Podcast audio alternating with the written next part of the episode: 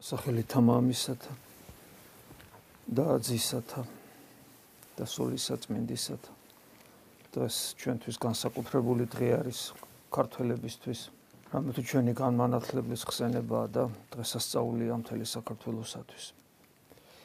მრავალი საუკუნე გავიდა მას შემდეგ რაც დღევანდელი საზომით და მაშინდელსაც პატარა გოგონა შემოდის საქართველოსში და ხდება ცნაური რამ, რომელიც ჩვენთვის მუდამ მუდმივად სასწაულად არის აღმართული ყველა ქართველისთვის და საქართველოსში მცხოვრები ყველა ქრისტიანისათვის.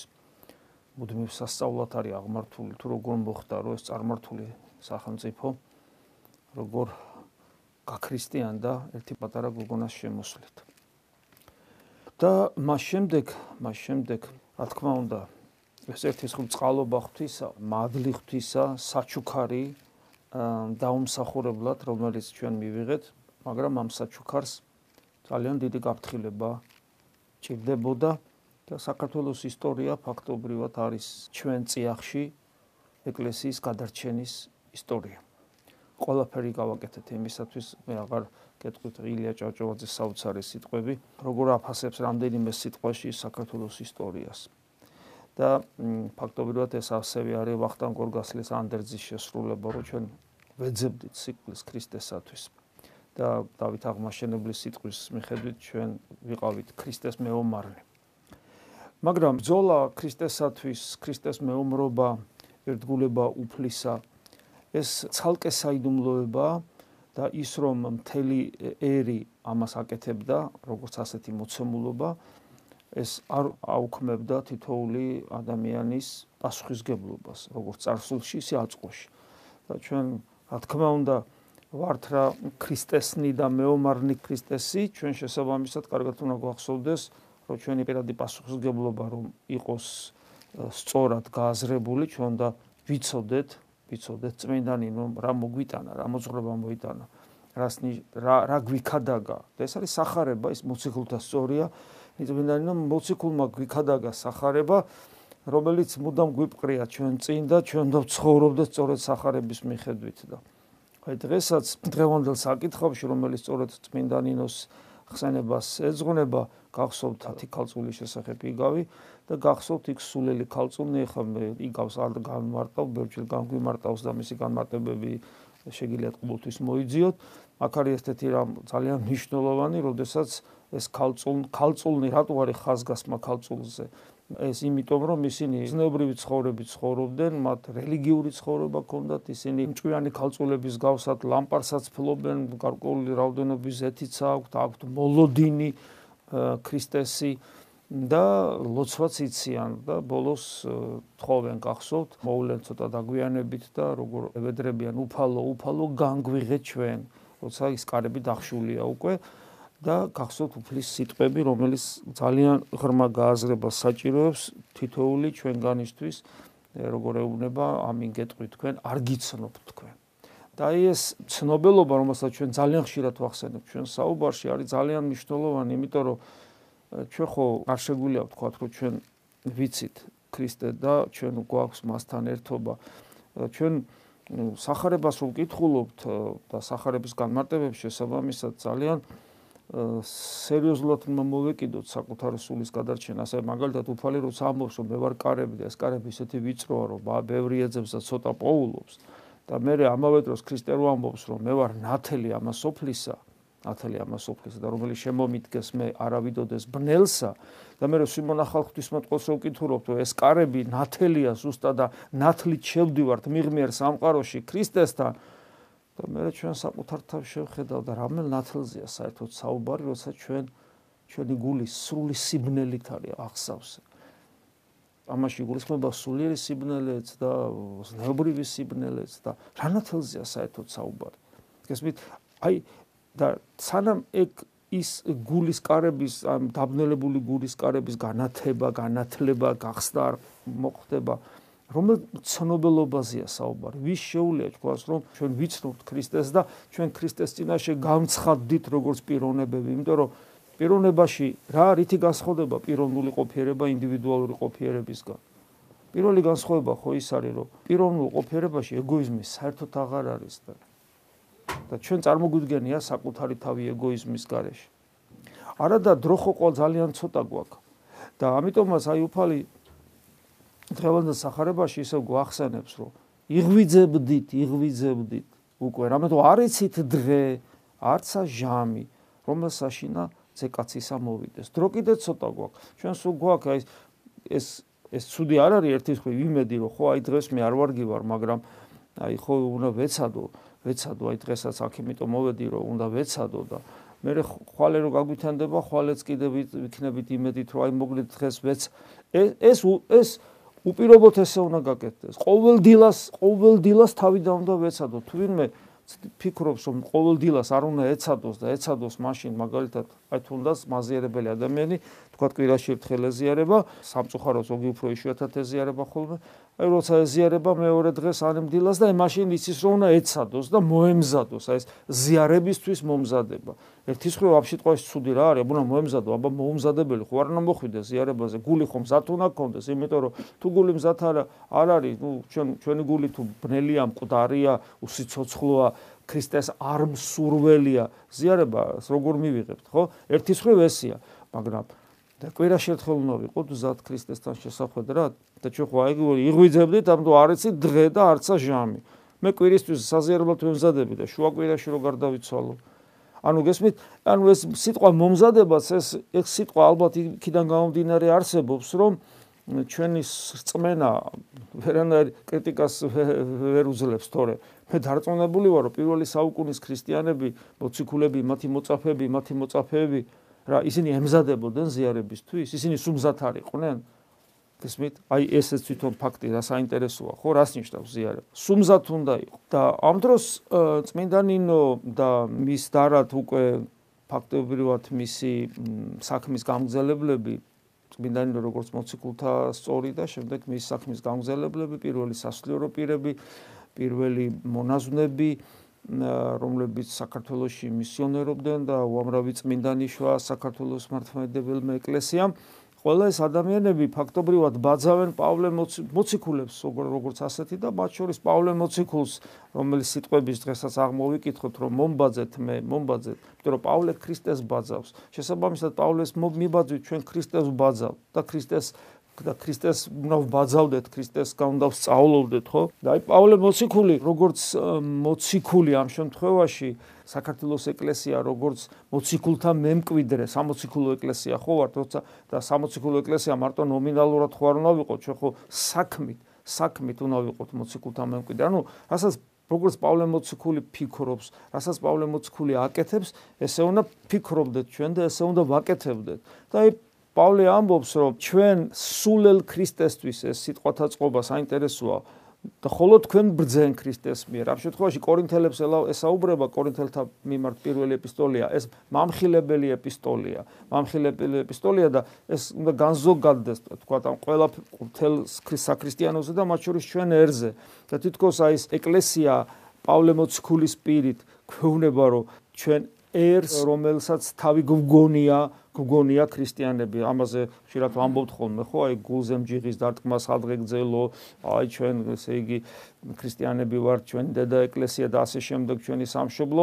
ეს პატრიოტიზმის ქრისტეს გარეშე დარჩენილი პატრიოტიზმი. სიტყვიერად არა, პატრიოტიზმი ხა ქართული პატრიოტიზმი აბსოლუტურად წარმოუდგენელია მართლმადიდებლური კულტურისა და ეკლესიის გარეშე. ერთის ხრივ, მაგრამ მეორეს ხრივ, მეორეს ხრივ თუ ამ პატრიოტული, თქვათ, პატრიოტული პატრიოტების ჯგუფის თითოეული ადამიანი თუ ერთგული შვილი არ არის ეკლესიის, არა სადღეგრძელოთი არა გულში მჯიღის დარტყმით, არამედ რეალურად როგორც ქრისტიანი ადამიანები ანუ ისე რომ როგორც წესია, ანუ რომ ჩვენ ჩვენი გული რო უნდა იწმინდებოდეს სოდვისაგან, ჩვენი გული რო ქრისტეს ხედველი უნდა იყოს, ჩვენი გული რო ქრისტეს ატარებდეს, ქრისტეს დარად, ქრისტეს მსგავსად რომ უნდა ვცხოვრობდეთ, მახსარებელნი, მაზიარებელნი, ღვთისმადიდებელნი, ხო? ეს სხვადასხვა რაღაცა არის. და აი როცა თავდაჯერებულნი ვართ, თქვა ამ შემთხვევაში კორინთელებივით, პავლე მოციქული თითქოს ერთგვარი საფრთხო ირონია აქვს, რომ თქვენ ბძენი ხართ და ხოლო ჩვენ სულელები ვართ, მაგრამ ეს სულელი ქრისტესთვის სულელია. და ქრისტესთვის სულელი ეს პავლე მოციქული ხშირად იყენებს ამ სიტყვას ხო? ღმერთმა რო დახარო ვერ დაანახავს თავისთავი კაცობრიობას სისულელე სისულელის ქადაგებით ეცადა და ეჩვენებინა. ანუ მოვიდა ადამიანა და მოკვდა ხო? ასევე რელიგიური ადამიანისათვის განკაცებული ღმერთის სარწმუნოება რომ სისულელეთ აღიქმება და ასე შემდეგ. ხო და აი ჩვენ სულელთ ქრისტესათვის თქვენ თulit რომ ბძენი ხართ მაგრამ ჩვენ სულელთ ქრისტესათვის და რატომ არის ეს დაპირისპირება? ბრძენი კორინთელები და სულელი მოციქულები მოციქული. რატომ? იმიტომ რომ ეკლესია რასაც ამბობს ერი ამ შემთხვევაში გულისხმობ არა იმ შეურაცხად ადამიანებს, რომლებსაც ზულთ ყოველგვარი ქართული სამშობლო ეკლესია შევარდებიან ტაზრებში, ანგრევენ, ერთისული აქვთ, გაანადგურონ, ამათ კი არ გულისხმობ. მე გულისხმობ იმ მერს, რომელსაც თითქოს და უყვარს. ეკლესია, უყვარს თქვა იგივე პატრიარქი უყვარს, ასე შემდეგ, რამდენჯერ მithქვია მე ესეთი ადამიანებისათვის, რომ პატრიარქი რო ამბობს, გვიყვარს, გვიყვარს. დაფიქრებულ ხართ, რომ რას ამბობს პატრიარქი, რომ ცხოვრებაში შეასრულოთ და განახორციელოთ. ანხორციელებთ იმას? რამდენჯერ რამდენჯერ მინახია მე ამგვარი ადამიანები, რომლებიც პატრიარქისა და ეკლესიის ერთგულებას და პატრიარქის სიყვარულს შემულობენ და ეკლესიასთან საერთოდ ახლოს არ არიან.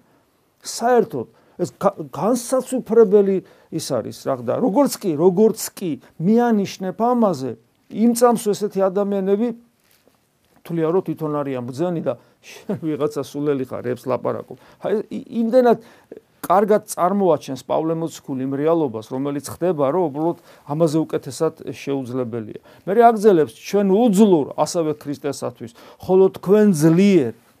მე ამბობს, რომ ჩვენ გინებული ვართ ისევ ქრისტესათვის, ხოლო თქვენ დიდებულები ხართ.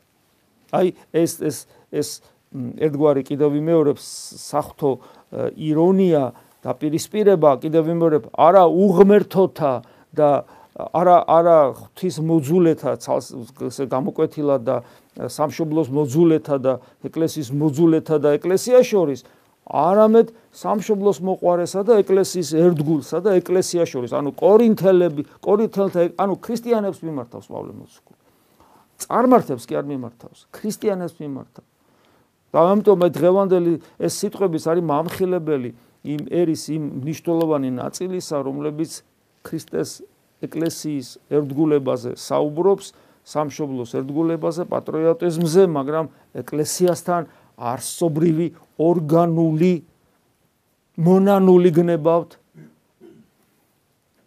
გლოვარე საკუთარი ცოდების გამო კავშირი არ აქვს.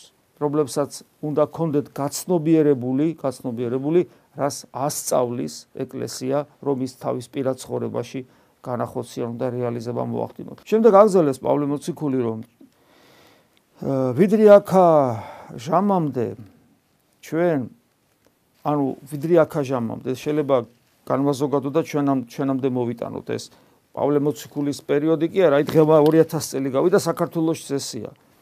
ქვის წყურის შიშვალ ვართ, ვიქეჯნებით, განუსვენებელ ვართ, შრებით ანუ შრომობთ, ამე თუ ჩვენი ხელით ვიქ. ქლიანობაში შეიძლება ასე ვთქვათ, რომ ვიტანჯებით შეიძლება ასე ითქვას. დიახაც, ეს არის ქრისტიანის ამ ყოფნა ამ სოფელში, ფუფალი ამბობ ჯერ კიდე გახსოვთ сахарებაში როდემდე ვიყო თქვენთან როდემდე თავს ვიდებდე თქვენსას როდესაც ადამიანებს ქრისტესთან ურთიერთობაში მხოლოდ ანგარებიანი დამოკიდებულება აქვს რაც შეიძლება მეტი გამოწოვონ ენერგია. რაც შეიძლება გახსოვთ როგორ არის რომ ესე იგი დადიოდა უფალი დაყვებოდა უამრავი ხალხი და უამრავი უძლური და რო შეხებოდნენ, რო შეხებოდნენ, ან ზოგი საკაცით, ესე იგი ხის მძიმე საკაცებით აუნტყოფებს ატარებდა, რო შეხებოდნენ. ახლა ხო წარმოგიდგენიათ მძიმე სიჩქარეში ამ მოძრაობაში უფალი დადის ხალხი უამრავი ეხვევა, რო ეს საკაცე რო მიიტანო და შეახო და იქ ფეხზეც მიარტყავდნენ ალბათ ატკენდნენ კიდევაც გახდოთ ის სისხლინარე დედაკაცის რო შეეხება ჩუმად. ესეთი რამდენი იყო და ეს წერია სახარებაში, რო ესე იგი ცდილობდნენ, რო შეხებოდნენ, შეხებოდნენ ანუ წოვდნენ ენერგიას, მოდი ესე ვთქვათ, წოვდნენ ენერგიას. რატო? ერთადერთი რამ უნდათ? საკუთარი პირადი, მეტი არაფერი, როგორც გაძღება 5000 კაცი და მე რეუფალეონება თქვენ, იმიტომ კი არ მეძებთ, რომ ღვთისაგან ნიშანი მოგეცათ, ანუ სასწაული, სასწაული იხილეთ, ამიტომ კი არ მეძებთ სასწაული, ანუ ღვთისაგან ნიშანი, რაღაცა რაღაცა ღმერთმა მიგანიშნათ, გასწავლით ღმერთი ჩემ შესახებ. ეს კი არ გაინტერესებს. ქიოდათ და ყოველგვარი შრომის გარეშე გაძეხით. ეხლა თქვენ გინათ რომ მეფე გამხადოთ, ხო მეფე დადგინება უნდა, მეფე გამხადოთ რომ ფერო მეფე ვიქნები, მე რა თქვენს უგაჭამოთ. თქვენ კიდე ესე უშრომლულად ჭამეთ და ჭამოთ და განძღეთ. არაფერი სხვა არ გაინტერესებს. და ხშირად ესეა ხოლმე ჩვენი პატრიოტიზმიც, ჩვენ ჩვენი დამოკიდებულება ეკლესიისადმი და ინდივიდუალურ დონეზეც. ეგრეა და რო ეკლესიიდან რაც შევა მეტი მიიღო, მიიღო აი ეს სულიერი სიმშვიდე, რაღაცა ბედნიერება, ეს იმედი, მაგრამ მაგრამ ვერ ხვდებით იმას, რომ ჩვენი საკეთებელი რა არის და ამ დროს ეკლესია იტანჯება, ეკლესია იტანჯება, მოციქულები იტანჯებოდნენ და ეკლესია ხო ეკლესიაზე როცა საუბრობთ, ის ხო პერსონიფიცირებული ადამიანებისაგან. და ვიდრე აქა ჟამამდე ეს არის სწორედ ნაჩვენები აქ რომ ეს ყოველთვის ესეა 2000 წლის განმავლობაში ეკლესია როგორც ქრისტეს მოციქულები ისე მისიონერობენ და ზუსტად იმავე გზას გადიან.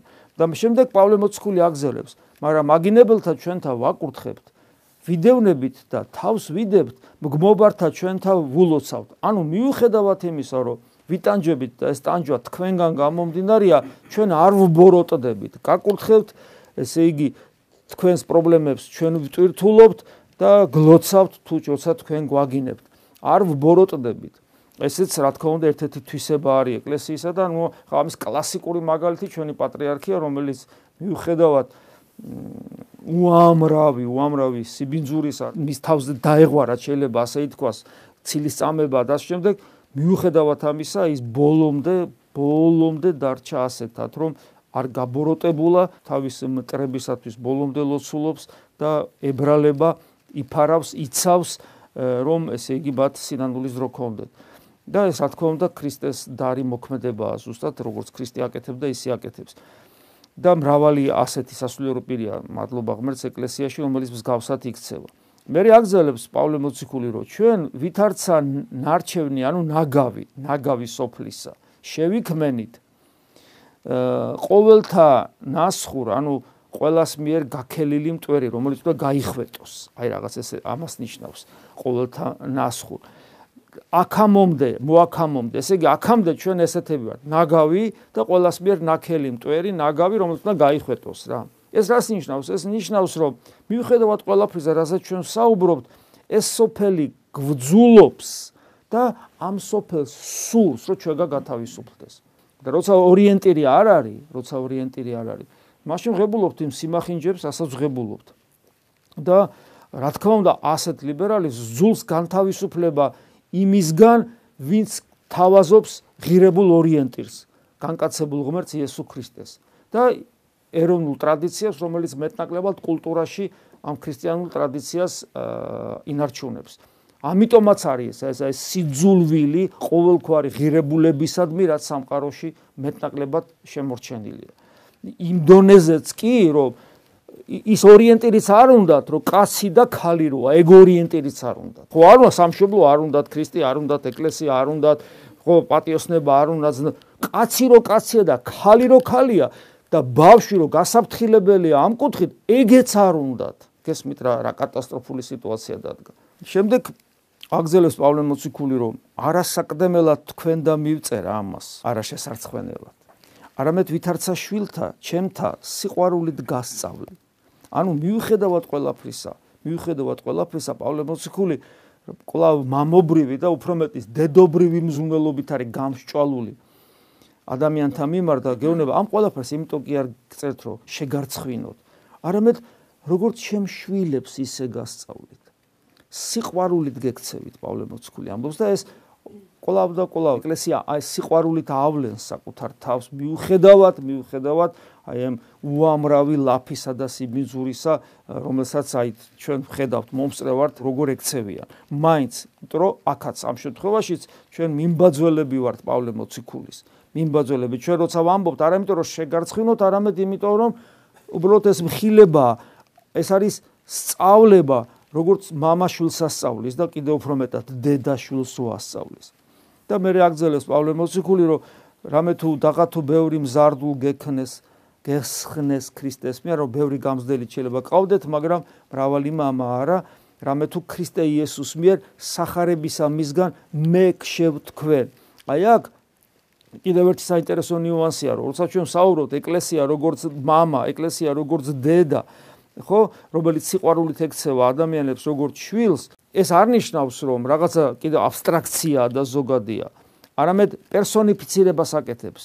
მართალია ბევრი გასწავლითო ქრისტეს შესახებ, მაგრამ მრავალი мама კი არაო, ერთი мама გყავთ. ამ შემთხვევაში კორინთელებს მიმართავთ, ეს мама მე ვარო თქვენო, რადგან მე გშობეთ თქვენ сахарების მიერ. ანუ ეს ნიშნავს, რომ აი ამ ზოგად ქრისტეს მისტიკურ სხეულში თითოეულ სასულიერო პირს, თითოეულ მოძღვარს პირადი პასუხისგებლობა ეკისრება. ესე იგი, სასულიერო პირს ეკისრება პირადი პასუხისგებლობა, რომ მამობრივი ზრუნელობა კონდეს ერის მიმართ და ერის ადამიანს კიდე ეკისრება პირადი პასუხისგებლობა, რომ შულებრივი დამოკიდებულება ქონდეს კონკრეტული სასულიერო პირების მიმართ.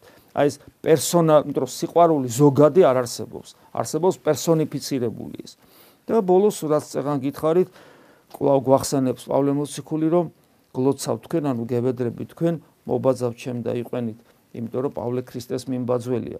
აი ეს საკითხავები დღეს კიდევ ერთხელ წარმოაჩენს ეკლესიისა და ერის ურთიერთ დამოკიდებულებას თუ როგორი უნდა იყოს, რა პასუხისგებლობით ვიტვირთებით სასულიერო პირნის და ერის ადამიანებიც და ამ ყოლაფის გააზრება და ცხოვრებაში გატარება გვაქცევს ჭეშმარიტად იმ დიდებული ადამიანის მემკვიდრეებად, რომელსაც ჩვენი ერის განმანათლებელი მოციქულთა სწორი და ნინო ქვია.